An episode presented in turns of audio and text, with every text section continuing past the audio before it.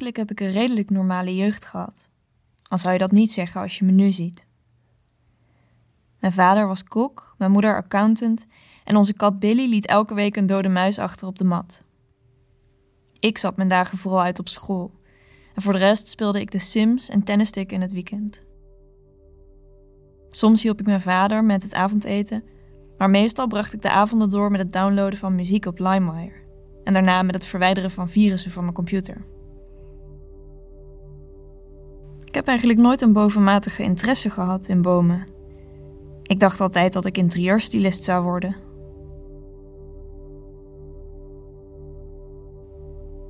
Zijn naam was Patrick.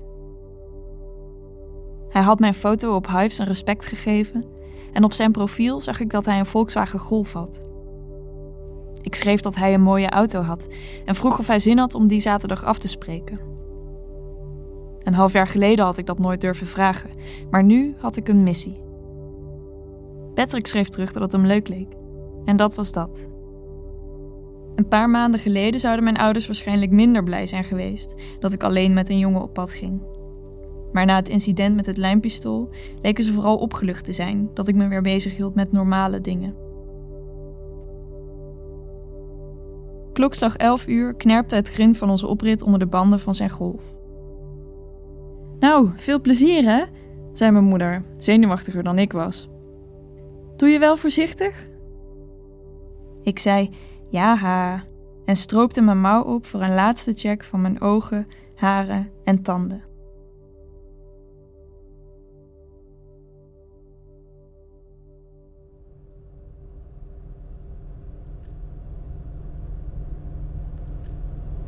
We reden over een lange snelweg tussen uitgestrekte heuvels en weilanden. Op mijn schoot lag de routebeschrijving. Patrick had allebei zijn handen op het stuur en hield zijn ogen op de weg. Hij droeg een grijs shirt met lange mouwen en had een zilveren kettingje om, net als op zijn profielfoto. Dus, zei hij, wat is de laatste film die je gezien hebt?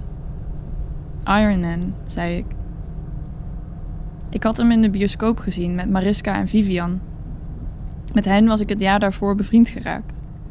We aten samen muffins tussen de lesuren en we deelden oordopjes om de nieuwe liedjes van Justin Timberlake en Rihanna te luisteren. En we gingen altijd samen naar de wc. Het was een soort ritueel. Onder het TL-licht inspecteerden we onze neus, haren en wimpers en we draaiden rondjes op zoek naar de beste hoek voor onze buik en kont. Het was Vivian die me erop wees dat mijn ogen een beetje bol stonden. Ze zei dat ik moest proberen mijn oogleden wat meer dicht te houden. En ze raadde me aan om mijn gezicht twee keer per dag met Cleracil te wassen. Het was een soort bewustwordingsmoment. Alsof ik toen pas besefte waar mijn klasgenoten al jarenlang dag in dag uit tegenaan moesten kijken. Ik denk dat dat het begin was van het spiegeltje.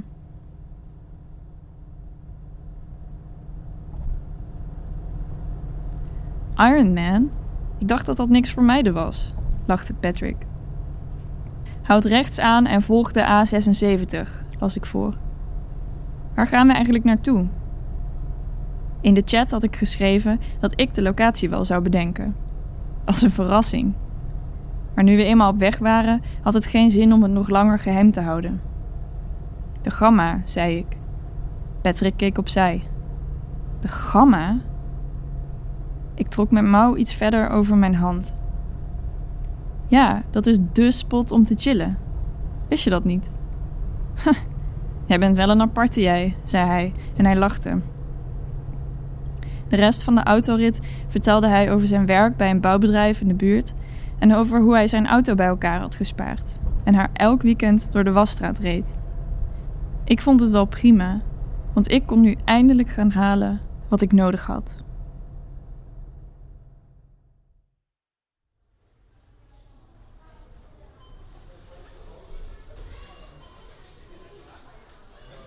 In de gamma rook het naar zaagsel en verf.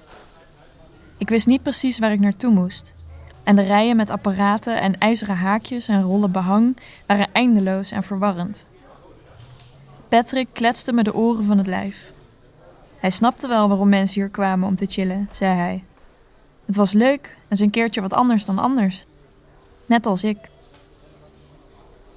Ondertussen zocht ik met mijn ogen de borden boven de gangpaden af, naar de afdeling met het gereedschap. Hé, hey, kom eens, zei Patrick. Wat doe je? vroeg ik. Ik wil je hand vasthouden. Is dat oké?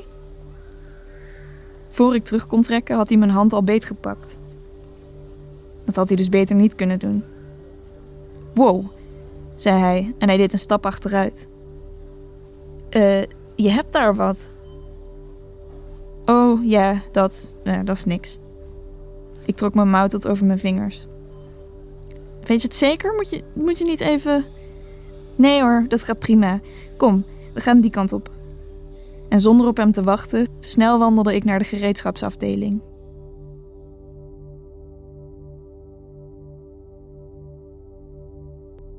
Ik had de ingeving gekregen in het technieklokaal. Na Vivians opmerking begonnen me steeds meer problematische zones in mijn gezicht op te vallen. En ik was er niet gerust op. Ik zocht naar manieren waarmee ik mezelf ook tijdens de lesuren kon controleren. Mijn mobiel kon ik niet gebruiken, want als ze je betrapte namen ze die een week lang in beslag. Dus toen ik van mijn tante Anna een klein blauw zakspiegeltje kreeg als souvenir uit Thailand, kon ik eventjes weer opgelucht ademhalen. Verstopte het spiegeltje in mijn etui. En terwijl meneer Jansen van biologie met zijn lange stok de botstructuren van gewervelde zoogdieren aanwees, kon ik goed de stand van mijn ogen in de gaten houden.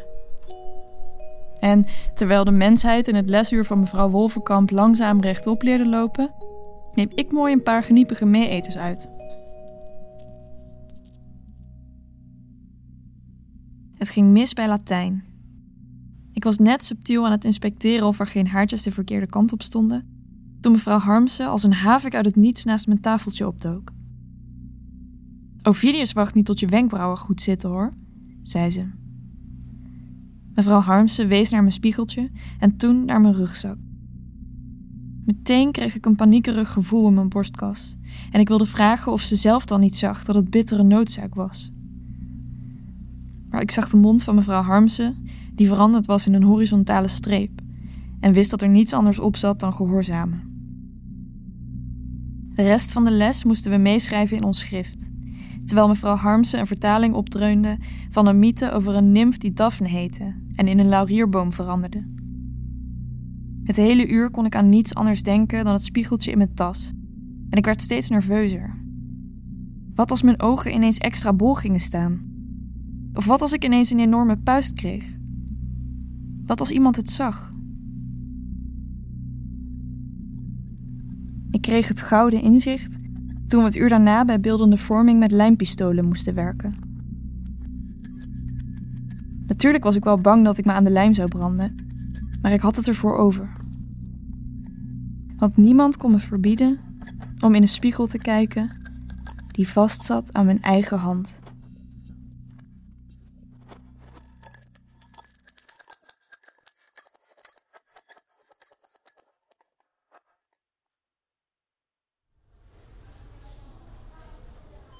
Toen Patrick vroeg waar ik de hamer, bisonkit en langwerpige spiegel voor nodig had, zei ik dat het voor een kunstproject op school was.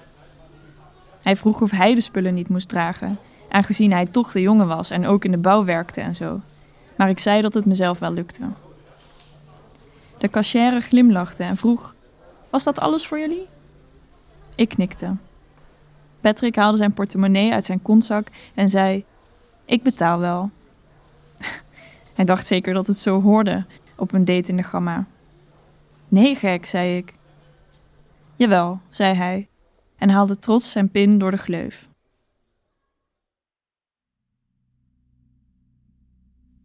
Buiten was de zon achter de wolken tevoorschijn gekomen. Op weg naar de auto bleef Patrick ineens staan. Mag ik iets zeggen? vroeg hij. Ja, natuurlijk, zei ik. Hij had al zoveel gezegd. Ik wist inmiddels dat zijn lievelingseten kipcorn was en zijn lievelingsmuziek Nickelback en dat zijn moeder een eigen kapsalon had. Hij begon een beetje te blozen. Je bent wel een mooi meisje, zei hij en hij strekte zijn vingers weer uit, nu naar mijn andere hand. Er steeg een wolk van vlinders op in mijn buik, maar ze waren waarschijnlijk van een giftige soort, want de huid op mijn wangen en nek begon te gloeien. In een reflex stroopte ik mijn mouw op en bewoog mijn hand in verschillende hoeken voor mijn gezicht. Ik zag de vlinders verschijnen als rode vlekken op mijn wangen en ze werden steeds groter. Is er iets mis? Ik negeerde Patrick en zijn opgetrokken wenkbrauwen en draaide de spiegel die ik net gekocht had een kwartslag. In de grote weerspiegeling zag ik het nog beter. De vlinders waren boosaardige vuurrode monsters geworden, die heel mijn gezicht en nek bedekten. Dat was het moment dat ik wist dat ik niet langer kon wachten. Ik moest nu handelen. Wacht hier, zei ik, ik ben zo terug.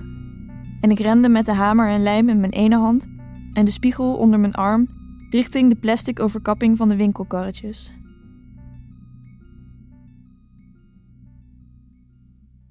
Beschut door de overkapping in mijn rug en de bladeren van de struiken boven me, legde ik één uiteinde van de spiegel op mijn schoen, zodat hij schuin lag.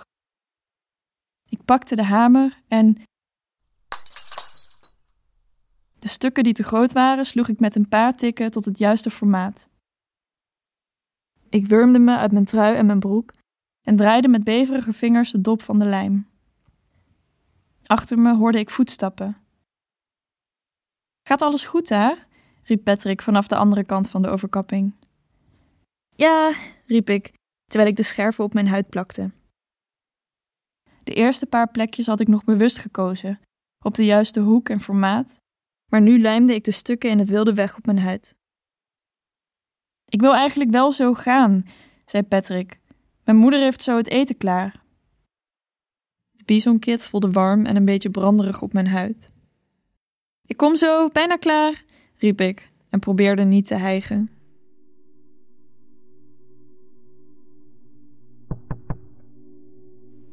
Toen ik op het raam van de golf klopte, moest Patrick zich vastgrijpen aan het stuur. Eén hand sloeg hij voor zijn mond, toen tegen zijn hart toen opnieuw tegen zijn mond. Met de andere hand greep hij naar zijn sleutels. En daar ging hij. Zijn pasgewassen velgen blonken in de zon. Ik besloot te lopen.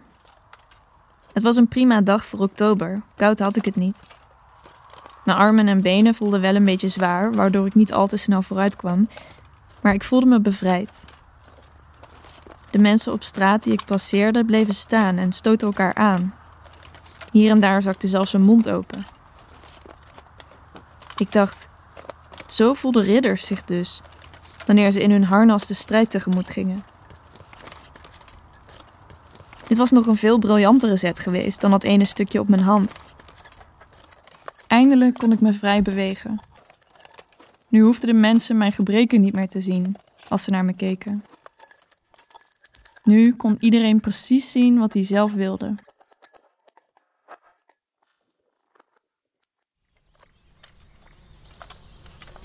Op de kleiige bodem in de heuvels ging het moeizamer. Mijn armen en benen waren nu loodzwaar en mijn huid jeukte als een gek, maar krabben lukte niet goed. Bij elke inademing prikte de damp van de bisonkit in mijn neus en mijn longen en ik voelde mijn hart steeds sneller bonken in mijn borstkas.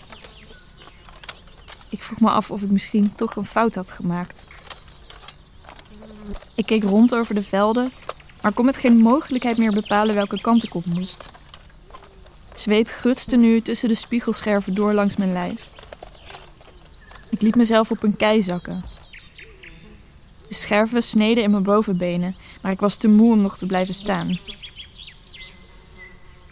Boven me floten de vogeltjes alsof er niks aan de hand was. Het gras op de heuvels wuifde en ergens in de verte klaterde een beekje. Op de grond onder mijn voeten lagen gele en bruine bladeren. Ik keek naar mijn voeten en naar die bladeren en de gedachte kwam in me op dat ze daar eigenlijk wel goed stonden, mijn voeten.